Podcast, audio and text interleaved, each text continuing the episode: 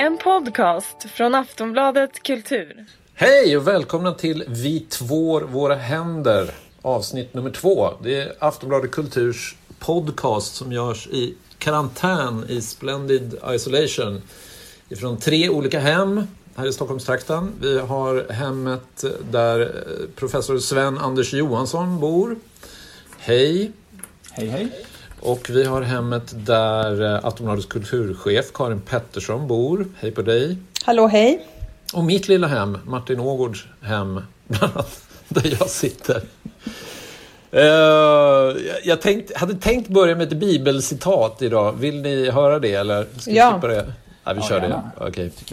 Väl ändå, mitt folk, gå in i dina kamrar och stäng igen dörrarna om dig. Göm dig ett litet ögonblick tills dess att vreden har gått förbi. Ty se, Herren träder ut ur sin boning för att hemsöka jordens inbyggare. Bra. Passar ju väldigt bra. Jesaja 26-20 var det här. Eh, det handlar ju precis om det liv vi lever just nu. Kan man tro? För jag, jag har tänkt lite så här, jag har försökt få tag på en domedagspredikant här den senaste veckan för jag tänkte det vore en spännande vinkel. Jag tänker att, att, att den här situationen vi befinner oss i borde vara eh, en perfekt mylla för liksom undergångspredikanter och sådär. Men det, det verkar inte finnas någon. Eh, min teori, eller, eller i alla fall ingen, ingen som har fått något större genomslag, det är någon så här shia-präst som har sagt att det här är Guds straff och sen själv fått corona och så här, familjen Kardashian har, har predikat om att det här är, är ett straff från ovan. Men jag tror att helt enkelt mötesförbudet gör, gör det ganska fruktlöst att, att försöka driva någon sorts eh, sekterism här. Det, det, det går liksom inte att få någon tillväxt i sin kyrka. Jag har, ni hör att jag har en väldigt marxistisk syn på religion här nu. Liksom. Det handlar om så här, att vinna marknadsandelar för sin kyrka. Det är svårt i den här situationen där man ändå inte kan dra in folk till sina, sina eh, sektmöten. Eh, om man inte hittar någon så här swish-lösning eh, på, på religion. Ja, sånt sitter jag och funderar på. Men varför går det inte att eh, ha en undergångspredikan och organisering online? Man brukar ju säga att eh, sociala medier premierar vrede, fruktan, den typen av känslolägen. Jag, jag tror det kan, alltså det, det funkar ju, men du måste ju eh, ha någon motiv till att göra det. Och det, du tjänar ju ingenting på det. Jag tror inte du får liksom din, någon tillväxt i din kyrka. En kyrka bygger ju ändå på liksom möten i grund och botten, tror jag. Det finns väldigt få digitala kyrkor som jag har sett. Men jag, tyck, jag, jag kollade upp det där citatet, eller citatet, eh, bibelverserna här som du läste upp. Och jag tycker du bryter ju på ett lite ologiskt sätt. För att där du klipper av, om jag läser, läser och läser vidare så står det ju Ty se Herren träder ut ur sin boning för att hemsöka jordens inbyggare för deras missgärning och jorden ska låta komma i dagen allt blod som där har blivit utgjutet och skall inte längre dölja dem som där har blivit dräpta. Alltså du klipper ju bort vår missgärning här, att det är vårt eget fel. Vi har liksom, det är människorna som har gjort, betett sig eh, dumt här och, och därmed orsakat här Guds vrede som nu kommer över oss. Eh, Men det är inte, så- inte liksom, bibelcitering är ju alla, all citeringskonstens urmoder på något vis. Det handlar ju bara om att klippa vid rätt ställe för att få ett citat som bekräftar ens egen tes. Typ. Men, Men- okej, det, det saknas vår missgärning. Men det är väl, eh, ja, ur ett eh, domedagspredikantperspektiv så är det väl, eh, det är väl precis det detta handlar om i sånt fall. Ja, ja, jo.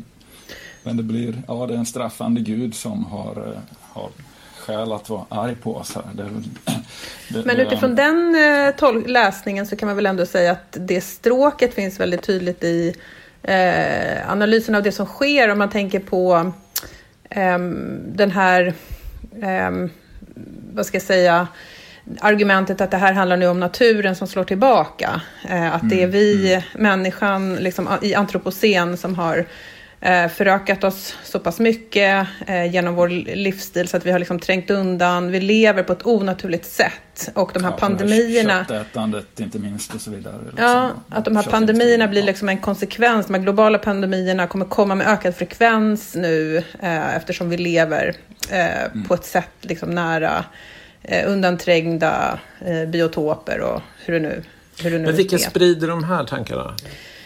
Ja, men det finns eh, ju, jag har läst ganska många sådana texter eh, som handlar just om när man ska förklara varför alltså pandemins ursprung och varför den kommer med sån kraft så är det ju att människan lever eh, ja, de, alltså, ursprunget från de här wet markets i Kina där man eh, men också att kraften i pandemierna kommer ur liksom den, det globala sättet att leva, väldigt täta städer eh, Eh, och en slags eh, kritisk massa av människor som har trängt undan då, ehm, andra arter och eh, då får det här som sitt straff.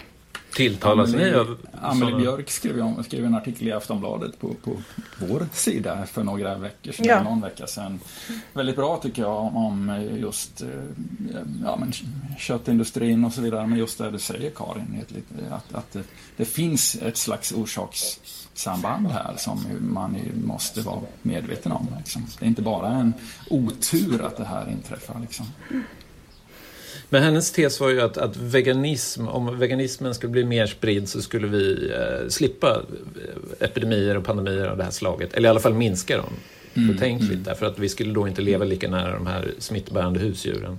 Men det, det skulle ju betyda att vi skiljer oss helt ifrån våra, våra husdjur som har levt med oss sedan, jag vet inte, tiotusentals år. Ja, fast det är ju inte bara husdjur i bemärkelsen katten som man har hemma utan det är liksom boskaps, alltså köttindustrin i stort liksom som väl är problemet i så fall. Att, att eh, hur, hur eh, ja, som bara växer och växer och, och, och, ja, jag är ingen expert på det där men, men det finns ju um, ja, man går tillbaka och läser artikeln igen tycker jag väl och så finns det mm. mer där. Att, att, men tilltalas ni av de här tankarna på, eller tilltalas, jag vet inte vilket ord jag ska välja, mm. men, men eh, resonerar de hos er, de här idéerna om att det här är liksom en naturens hämnd helt enkelt? Men jag tycker det är svårt därför att jag menar, om man tittar tillbaka historiskt så ser vi ju, det är inte första gången genom eh, människans historia, eh, både bakåt och mer nyligen som Ja, men det talas om spanska sjukan och den här Hongkong-asiaten eh, som det kallades i Sverige. Och, ja, som sagt, pandemier är ju inget nytt, men det som jag tror de för fram, som driver den här tesen, det är väl att människans liksom, sårbarhet för dem och också kanske frekvensen kommer att öka eh, som en följd av det. Det får vi väl det får vi väl se. Men vad var det frågan om, om man tilltalas? ja, men om, om det liksom slår an en ton inom ja, er Alltså, jag skulle säga i högsta grad, även om jag tycker att naturens hämnd kanske pekar lite fel. Men vad det här handlar om tycker jag att vi måste tänka om eh, vad vi menar med natur, alltså relationen mellan eh, kultur och natur eller marknad, natur och så vidare. Så jag skulle, det är en slags, det, vad vi ser är baksidan av en slags naturbehärskning som, som hela vårt moderna framsteg består av och som det, är inte, det har ju slått... Det, det, finns liksom ingen naturbehärskning utan om, att det drabbar oss själva för att vi själva också är natur. Um, och ja, det, fin, det, det finns ju... Um, ja, vad ska man säga? Men, så, så det, det, är klart det slår tillbaka. Um, och, och, och, kanske att vi, vi vet det är också att det blir liksom för, för enkelt att säga att det här är Eh, natur för att vi, vi har inte längre tillgång till någon, eh, vi vet inte längre vad naturen är. Det är ju på ett sätt det som är poängen med det här med köttindustrin. Att är, vi kan inte längre säga att det här viruset är ett slags eh, någonting mer egentligt eller naturligt utan det är på ett sätt en produkt av hela vår, vår moderna kapitalistiska eh, tillväxtlogiken och så vidare. Men, men, där, vi, där vi också har levt i någon slags eh, och lever i någon slags tro på att vi kan behärska och kontrollera detta som, som finns där som någon slags eh, materiell förutsättning för vårt framsteg. Men det kan vi ju inte. Det, det är ju det som visar sig här att det, vår kontroll är ett... Behärskningen är, är, är liksom ganska, ganska halvdan för att uttrycka det milt. Då. Och det tycker jag är intressant om man tänker på hur den här krisen då, vår reaktion på den. Eh, och det finns ju någonting eh, intressant att fundera kring både i liksom vilka uttryck den här reaktionen tar, som vi pratade lite om förra gången, med undantagstillstånd och eh, sådana saker och stängda gränser som är någon slags symboler för kontroll. Men det är också, jag tänker också på om man jämför, och det är många som gör den här krisen med klimatkrisen. Så mm. det, det finns ju en kraft i responsen på det här viruset som är ju helt enorm. Alltså hur världen svarar på mm. den här krisen med eh, synkroniserade aktioner, eh, liksom enorma ekonomiska eh, insatser, stimulanspaket, utbyggda skyddsnät. Det är ju liksom, det är helt, har, det är svårt, ja, det är helt enormt helt enkelt. Och jämföra det med den väldigt eh, passiva, slappa, slappa responsen på klimatkrisen, där den bara så att säga får fortgå. Och frågan, mm. en sak som jag funderat på är om det kanske är Klimatkrisen har vi på något sätt definierat som någonting som vi själva är skyldiga till, människan, medan det här viruset är på något sätt en gemensam fiende utifrån, verkar den tolkas som, läsas som. Jag funderar på om det kan Eh, sen kommer den här krisen med så en sån kraft. Det är helt enkelt lättare att enas Ja, det är lättare att enas mot detta virus. För det är liksom en gemensam fiende, det är liksom ett klart definierad problem. Det är liksom någonting som måste stoppas. Vi är i krig med viruset, mm. gemensamt, mm. mänskligheten. Jättevanlig metafor nu. Krig. Precis, medan klimatkrisen är på något sätt något som förstås som något som är eh, mycket mer inbäddad i vår, vårt ekonomiska system, som handlar om livsval, ekonomiska modeller, något som vi själva är skyldiga till och då blir det mycket, mycket svårare att hantera och svara mot. Uh, det jag funderar på. Jag har ju haft en liten teori som jag tidigt försökt lansera, alldeles för tidigt tror jag. Och det är ju att jag tror att viruset var ett hot som nådde de vinnande klasserna helt enkelt. De som helt, de har suttit väldigt ohotade i många år. Eh, makt, eh, klasser med ett maktinnehav och helt plötsligt, men de nås ju också av ett virus, för alla nås av viruset. Och det är därför, tror jag, var min teori, att, att reaktionen blev så oerhört stark. Därför att nu var det människor med tillgång till maktmedel som hotades till livet, bokstavligt talat. Eh, just idag ligger Boris Johnson på, på intensiven. Eh, och det har de inte gjort av liksom ekonomiska kriser eller av eh, det, det långsamt pågående klimathotet tidigare. Jag vet inte, det, var, det kanske är spekulativt men det, det kändes så. Mm. Ja, det ligger väl något i det. det är, men det är ju någonting, någonting väldigt paradoxalt och ironiskt i de två olika sätten att reagera på de här som, som inte... Det, det framstår inte som helt rationellt. Liksom. Jag, jag, jag läst lite, gick tillbaka och läste det senaste numret av tidskriften Subaltern. Eh, där det finns en, en essä som heter Katastrofism av två fransmän René Riesel och Jaime Semprun. Eh, här är också en sån här rätt profetisk text skriven på 90-talet tror jag, där de, de beskriver just det här. Där 2008, de, jag kollade upp det. Ja, den är så pass sen. Ja. Men i alla fall, det är, före, det är långt före pandemin och sådär. De pratar ju mest om de liksom väldigt sarkastisk kritik av kapitalismen och miljörörelsen. Men, men de talar också om virusen där som en, och där de de, de, vad säger de bland annat? Att, att Alltså handfallenheten hos vetenskapen, att försöken att hantera detta som är så... Eh, eh men verkligheten är den att forskarna inte vet något alls om de processer för vilka de försöker skapa modeller, säger de. Och liksom, man kommer dessa grovt tillyxade prognoser och, och så vidare. Eh, och alltså att där de, en, en katastrofens realiteter är omöjliga att få kunskap om genom de medel som används för att skapa den. Alltså att på ett sätt att våra försök nu att hantera det här är liksom en del av samma apparat som har skapat det på något vis. Vad är då liksom katastrofismen i det hela? Är det, eh, är det en överdriven ju... oro, eller? Ja, katastroftänkande, är det det det betyder?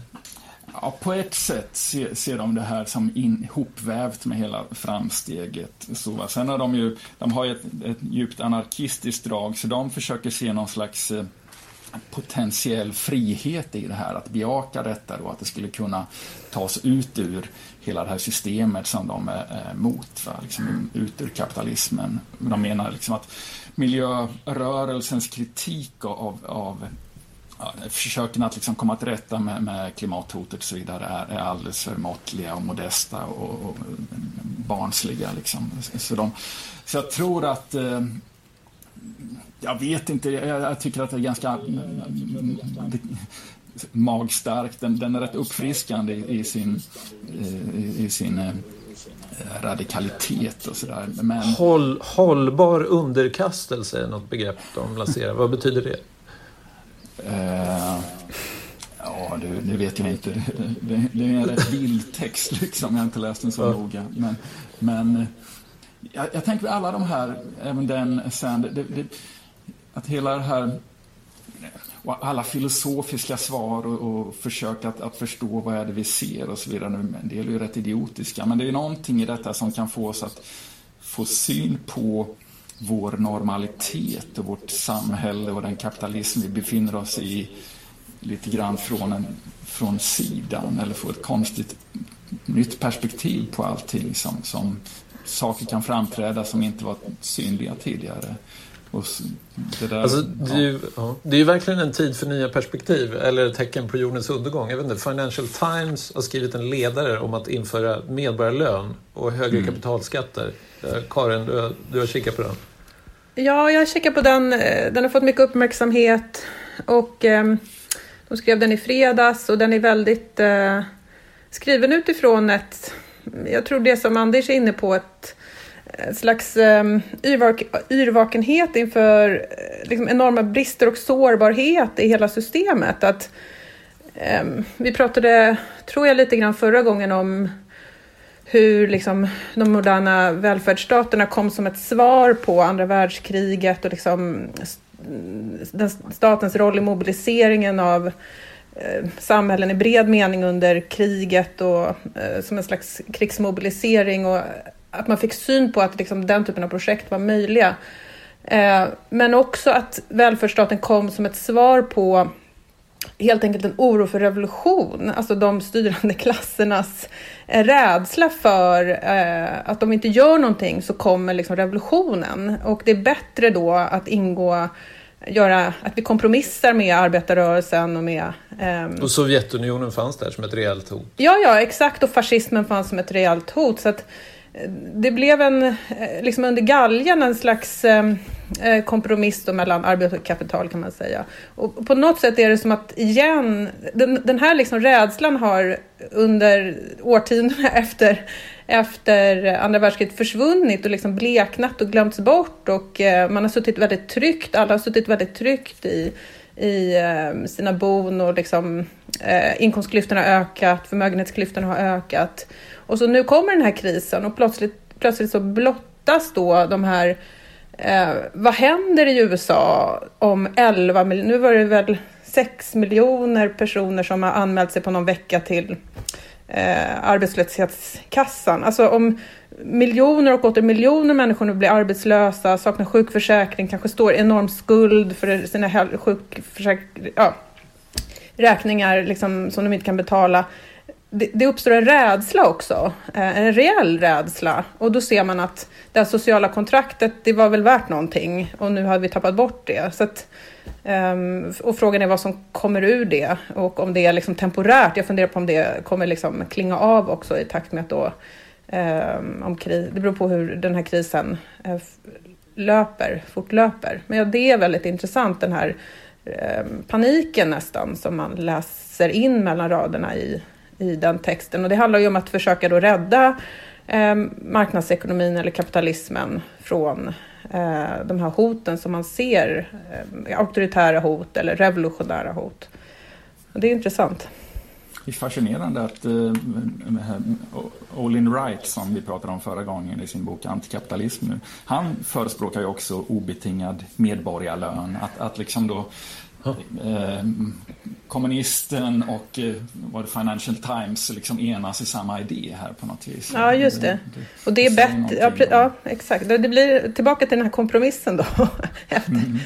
Men bara i Sverige har man sett de sista veckorna ett enormt inflöde i a-kassan till exempel. Mm. Personer som har gått och känt sig också då trygga i sin anställning eller inte sett något personligt eget behov liksom nu söker sig till eh, de ja, gemensamma försäkringarna. Så det, finns, ja, det finns någonting jag vet inte. Men det finns, det finns ju en potential det här. Det finns en potential där, en, en slags det, reformistisk potential. Men finns det politiker som kan hantera det här just nu? Eh, som kan ta tillvara på den potentialen och skapa en ny kompromiss?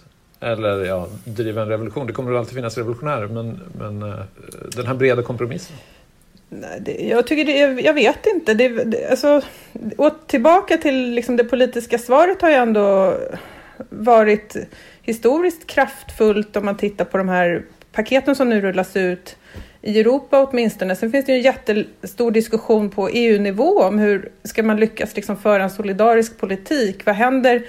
Menar, Italien står ju inför undergången nu på många sätt. Det var ju otroligt sårbart redan innan. Nu sitter människor inlåsta månad efter månad. Liksom, snart kan vi nog vänta oss liksom kravaller i södra Italien när människor börjar eh, frukta för liksom, svält och liv och hälsa eh, för att man sitter inlåst. Så att, frågan är också vad som händer med eh, det europeiska projektet.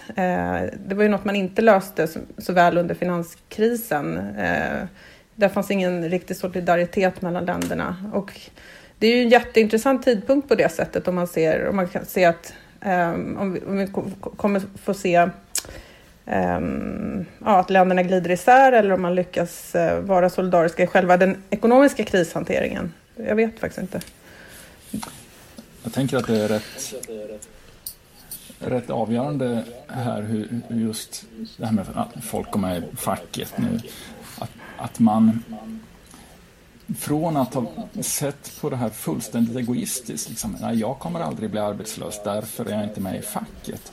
I bästa fall kan ju det här leda till att okej, okay, fackföreningar handlar inte om att, att jag kommer att bli arbetslös, utan det är en slags gemen, en, en omsorg om det gemensamma, att vi måste ja, mer av ett klasstänkande. Att, att, ja, det är väl det man kan hoppas på, att, att, att själva själva relationen mellan individ och, och det gemensamma eh, blir liksom omdefinierat i folks allmänna medvetande. Det är väl, jag vet inte, jag, jag brukar sällan vara så optimistisk men det kanske man kan hoppas på kanske sådär, om, om någonting ska kunna bli bättre av det här. Ja, jag tänker, förra veckan pratade vi mycket om Ja, förlåt. Pratar vi mycket om liksom den auktoritära statens eh, comeback då med övervakning och, det här, eh, och kontroll och, och så. Men jag, jag vet inte. Eh, det är svårt att se att man ska komma ur den här krisen och inte förstå värdet av ja, men, folkhälsoinsatser, ha en bättre liksom, beredskap inom vården. Nu pratar vi mycket om hemtjänsten, den här otroliga sårbarheten som finns i omsorg, hälso-, sjukvård och omsorgssektorer. Det är svårt att vi skulle kunna kliva ur det här och inte liksom uppvärdera eh, den delen av samhällslivet ändå. Så att någon, det är ju positivt kanske. Samtidigt har vi, har vi sen förra avsnittet spelats in har vi ju sett demokratin rullas tillbaka på, på flera håll, inte minst i Ungern där Orban, Viktor Orban har tagit kommandot eh, och eh, visserligen skaffat sig eh, lagar som påminner om andra europeiska länder men utan en bortre tidsgräns och med väldigt mycket polisiära insatser. Det är förbjudet att kritisera regeringens virusbekämpning och och eh, han själv eh, sitter som någon sorts eh, diktator nu på obestämd framtid. och det är ju liksom den här frågan som du var inne på alldeles nyss, liksom är en sån här kris, fungerar den med demokrati överhuvudtaget? Det går inte att rösta om hur man stoppar virusspridning. Mm. Jag tror det. Alltså jag, jag är kanske lite mer optimistisk där också, eller optimistisk är det nog helt fel ord, men jag tänker med Ungern, alltså det var ju en väg man var inne på redan innan så att säga. Eh, sen är det klart att man alltid utnyttjar en, liksom en, en despot eller en auktoritär ledare kommer alltid utnyttja en kris att befästa sin position, men eh, det är inte liksom en vändning som har skett i Ungern utan en fortsättning på någonting. Och jag måste säga att jag tycker nog ändå inte att det, det svar man har sett i länder som Sverige eller Norge eller Danmark det är svårt att beskriva det som liksom riktigt auktoritära...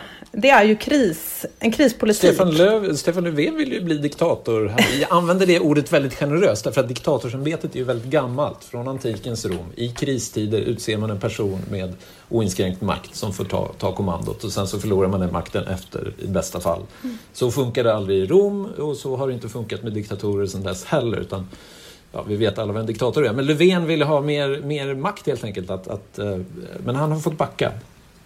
Mm. Vad, var det, vad är det som har hänt egentligen? Han fick stryk i lagrådet och det är väl ändå en ganska, då kan man ju tycka att liksom demokratins institutioner håller, håller Sånt ganska bra. Sånt man ju, när liksom byråkraterna säger ifrån att bara, nej det här går inte Stefan, nu får du backa. Ja. Men jag är nog inte heller så bekymrad över det där, i alla fall inte om man ser till Sverige. Men det är klart, det är rätt anmärkningsvärt när ja, inte bara Ungern utan Frankrike och sådana länder och Macron deklar, deklarerar krig och så vidare mot, mot hela... Men eh, jag gick tillbaka och läste lite eh, Georg Gamben här nu i, igår kväll och hans idéer om undantagstillståndet som ju går ut på, det här är saker han skrev på 90-talet och så, att, att eh, Alltså den moderna demokratin, alltså undantagstillståndet är inte någon slags motsats till demokratin utan egentligen en förutsättning för den demokrat, moderna demokratin. Så den ligger liksom närmare really? än vad vi vill tro då. Va? Ehm, att det alltid har varit så hur den moderna demokrati, från den moderna demokratins uppkomst eller så. Va? Så att sen Eh, Eh, och, det är ju rätt, jag menar, det, är rätt komplicerade resonemang om, om, Aristoteles och det är biopolitik och det är distinktion mellan zoo och bios och så vidare. Men, men eh, det är väl samma, ja, men jag, jag tycker att han, det är väl någonting i, i, som blir synligt i att han, han, har en poäng när det här händer, att det är så nära ändå till att ta det steget att ja, nu gör vi, nu inskränker vi det här, nu får alla stanna hemma, nu, nu och, och det, liksom, det går sådär genom en, en, en, en litet, ett litet dekret så är vi där. Va? För mig är det ett tecken på att demokratin är så oerhört skör. Att den är mm. den här lilla mm. plantan som vi måste pyssla om varje dag. Eh, och, och noga putsa och beskära. Eller inte beskära, det var fel liknelse. Men ta hand om helt enkelt. Uh, men men, men uh, han, han ser att det är någon sorts kommunicerande kärl här, att vi liksom behöver undantagstillståndet för att förstå demokratin, eller? Nej, nej. nej. Eh, tvärtom. Det är snarare ett slags kritik då av eh, att det totalitära ligger väldigt nära och det finns en stor fara hela tiden. Att, mm. Så att den här så det är på ett sätt en, en, en, kritik av den liberala och moderna eh, demokratin som, som inte är så stabil och stark som, som vi kanske slår oss för bröstet och tror i vanliga fall. Men då, det här leder oss in på den eh, känsliga frågan om eh, har vi överreagerat helt enkelt? Göran Greider skriver i Aftonbladet Kultur idag en, en väldigt rörande text om eh, sin mor. Han har nämligen förlorat sin egen mamma i corona. Hon dog eh, bara häromdagen. Eh, och ändå känner han sig tvungen att ställa frågan om eh, Trump och Bolsonaro har rätt när de säger att, att åtgärderna mot eh, coronaviruset eh, kan leda till fler döda än viruset i sig. Och vi måste tänka framåt helt enkelt, skriver han. Vad, vad tror ni? Men det är svårt. Jag tänkte på, apropå Agamben, så har han ju varit ute, men i diskussionen i Italien, han var väldigt tidigt ute och sa, debatterade just undantagstillståndet i Italien och hade liksom analysen att den här coronaviruset är inte värre än en vanlig influensa. Eh, och med den, med den argumentationen så, så blev ju svaret liksom omåttligt eh, oproportionerligt, givetvis. Sen får man ju säga då att han hade fel i det grundantagandet, för den här sjukdomen är ju mycket, mycket värre eh, och mer dödlig och än en vanlig influensa. Sen är fortfarande frågan kvar om, om svaret är proportionerligt um, mm. eller om det är en överreaktion. Jag vet inte om det är rätt ord, men ja, det kanske det är.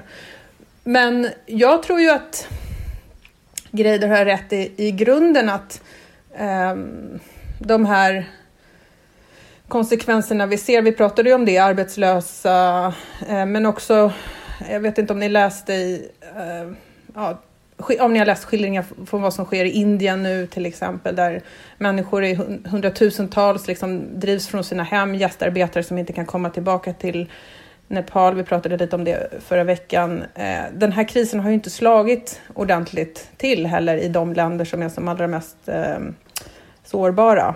Ehm, men å andra sidan, där är det ju sjukdomen i sig och inte svaret som kommer att vara det som förstör ehm, ekonomierna.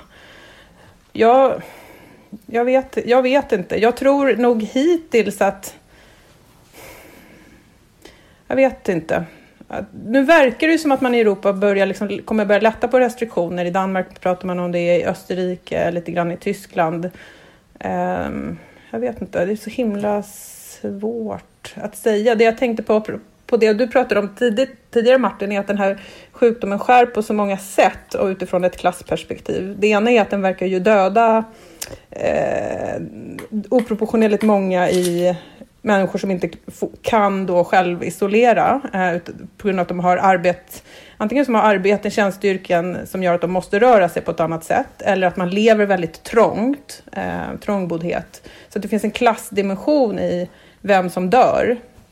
Mm. Det finns också en klassdimension i, och nu är jag verkligen ute och provpratar här, men det finns också en klassdimension i vilka som förespråkar de här väldigt eh, ne, liksom den här brutala nedstängningen. Jag uppfattar att det är ganska ofta människor som själva eh, har ett, kanske ett jobb som de kommer kunna gå tillbaka till sen. Eh, säkra anställningar, kanske en stor lägenhet där det inte är så svårt att sitta i vecka efter vecka efter vecka efter vecka. Eh, och de som nu, om man tittar i södra Italien, bryter bryter isoleringen, det är ju människor som inte står ut att sitta eh, på grund av trångboddhet eller att man är rädd helt enkelt. Eh, mm. Så det finns en klassdimension i vilka som klarar liksom, isoleringen också eh, under en, en period. Som inte kan sköta sitt skolarbete i sitt ja. hem eller vad som helst.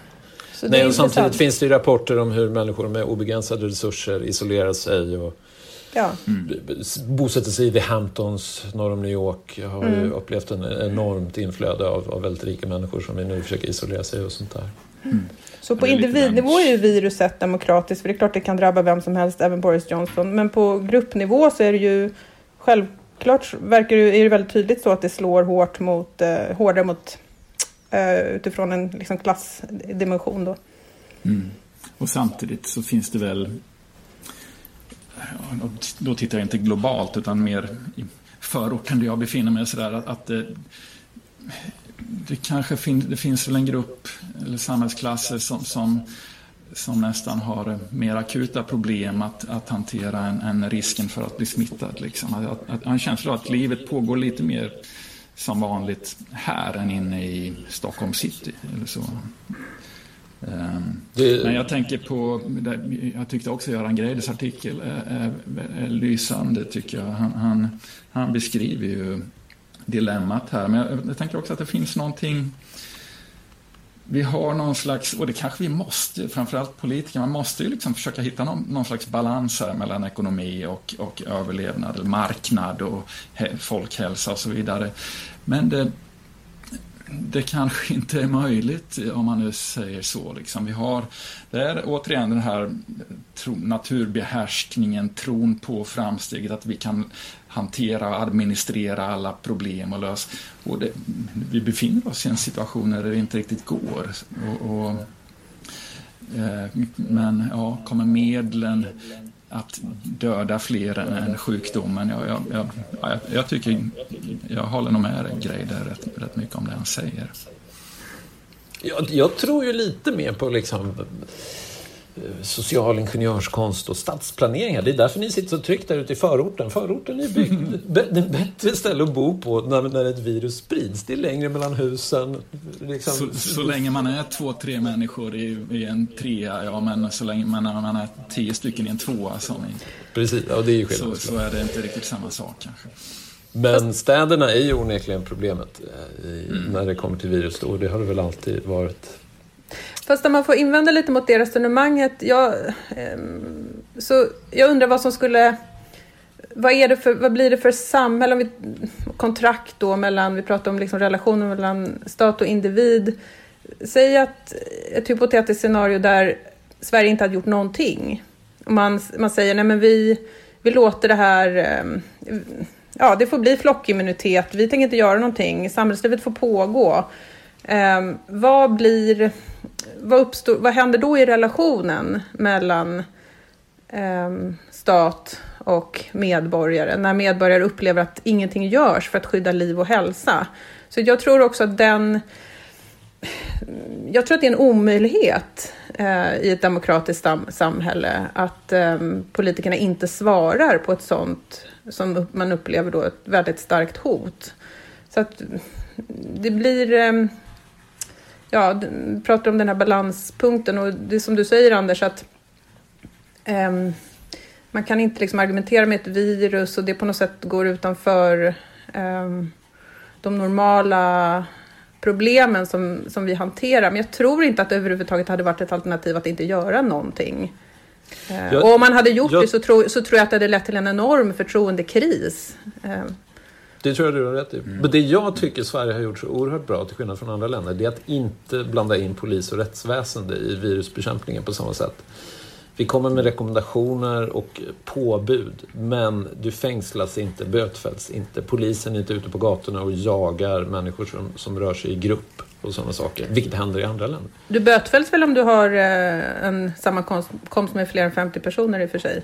Det är ju det inte en rekommendation. Säkert, men jag har än så länge inte hört talas om någon som har åkt ut för det. Nej, men det, det finns ju där, så att säga. Det finns där, absolut. Men, men i andra länder så har du ju liksom polispatruller ute på gatorna för att, för att mm. disciplinera folk. Utan vi, vi disciplinerar varann. Är ditt favoritämne, Anders? Vi är så kontrollerade i, i, i förväg kanske så att disciplinen behövs inte på, om, man, om man uttrycker det i sådana termer. Är det så? Är svenskan Nej, helt enkelt mer men, kontrollerad? Ja, nej, jag vet, men om man ska gå till, vi nämnde väl den förra gången, Delös text om kontrollsamhället, att, att eh, och jag funderar lite på det där. Men om det finns en slags, vi har två, två sätt att styra här. Vi har disciplinen som handlar om att stänga in folk i fängelser eller institutioner och så vidare. Ja, polis och så vidare. Eller vi har kontrollen där vi på ett sätt själva då genom våra eh, eh, vi är inte ens individer, vi är individueller som, som liksom utövar, vi kontrolleras på ett, på ett sätt eh, i, i en slags eh, att eh, disciplinen behövs inte. Vi har våra appar och så vidare där vi, det liksom, eh, som styr oss. Och det kanske Ja, men det, det, det, kanske är mindre behov av den här starka staten då i, i Sverige än, än vad det uppenbarligen är i Italien eller så. Jag vet inte, men... Jag tror vi, hade, vi var ute och rörde mig på stan i fredags och de enda jag såg ute på stan var eh, gymnasieelever, förutom jag själv.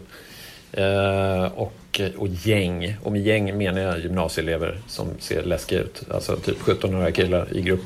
Eh, så det känns lite som att stadens, eh, den sociala kontrollen har släppt lite på gatorna. Vi, vi sitter och disciplinerar varandra i sociala medier istället och skammar varandra om man har, har gjort något brutit mot reglementet. Men på gatorna är det fritt blås. Ja, men det tänker jag på. Jag tror, jag, menar, jag tror det finns ett missförstånd i Vi pratar så mycket om att svenskar har ett så högt förtroende för staten och det är därför man liksom så villigt... Eh, det handlar om tillit, men jag tror att det handlar mycket mer om plikt och skam. Um, och att vi är vana vid eh, ja, jantelagen, man är van, van att bli kontrollerad av sina grannar och sin... Eh, jag vet inte, nykterhetsrörelsen, arbetarrörelsen, den skötsamme liksom, arbetaren. Man får inte sticka ut, man ska inte vara för mer och, sociala medier är det perfekta redskapet för att eh, kontrollera varandra utifrån ett plikt och skam eh. Så jag tror att det, det är det som är styrkan i vårt, i vårt, i vårt samhälle. att vi skäms. Vi Plikten och skammen och den sociala kontrollen.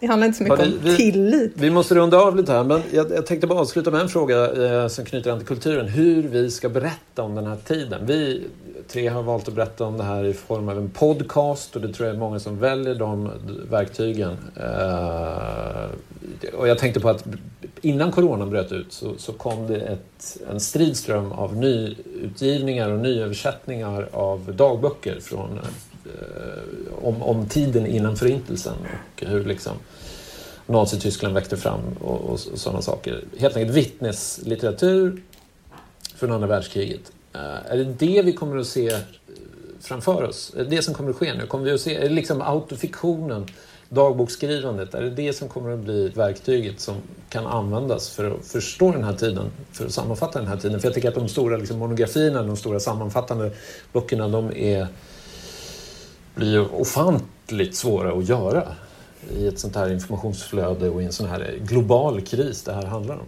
Vad, vad tror ni? Har ni någon känsla? När du beskriver det så, så låter det rätt rimligt att det finns någonting som talar för dagboksformens eh, eh, alltså att den är adekvat i den här situationen. Sen, jag, jag tror att det alltid eh, här, möjligheten att förstå och beskriva en situation säga någonting sant om den är väldigt svårt när man är mitt uppe i den. Jag tror att det kanske behövs distans på ett sätt för att kunna det kanske är först om 20 år någon kan, kan beskriva vad coronakrisen egentligen var, liksom, eller säga någonting. Avslöja den, eller om man säger så. Men, men eh, ja, svårt. Jag tror podden är det perfekta den perfekta spegeln. Det är ju en bra spegel och där blir jag lite rädd eh, om, om litteraturen ens överlever det här. Är det här liksom det ögonblick i tiden då vi lämnar liksom de, den skrivna texten bakom oss övergår till liksom videokonferenssamhället? Nej, det tror jag inte alls. Jag tror tvärtom. Jag tror att eh, vi kommer kliva ur det här och vara otroligt trötta på den här tvådimensionella skärmen som vi har framför oss och vilja ha mer, både mer liksom kropp men också mer eh, eh, verklighetsflykt eller fördjupning. Jag tror tvärtom. Jag tror att det blir en renässans för eh, litteraturen. Och eh, det som inte är bara det snabba flödet som vi nu sitter i allihopa. Nej. Men jag ser flera som har försökt liksom se på det här dokumenterande anslaget. Jag vet Svenska Dagbladet bjuder in läsarna att dokumentera den tid du ser omkring dig. Jag tror Stadsmuseet gör samma sak.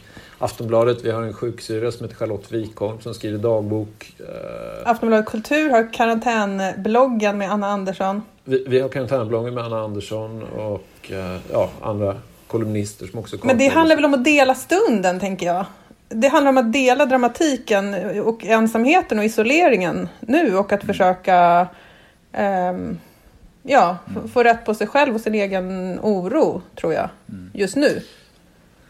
Men där måste det väl kunna slå, lite som du var inne på precis Karin, att litteraturen har någon slags attraktionskraft i att, att gå in i någonting annat och slippa den här stunden också. Att, ja, men är det inte rätt idealiskt att försjunka i någon gammal 1800-talsroman eller, eller vad som helst?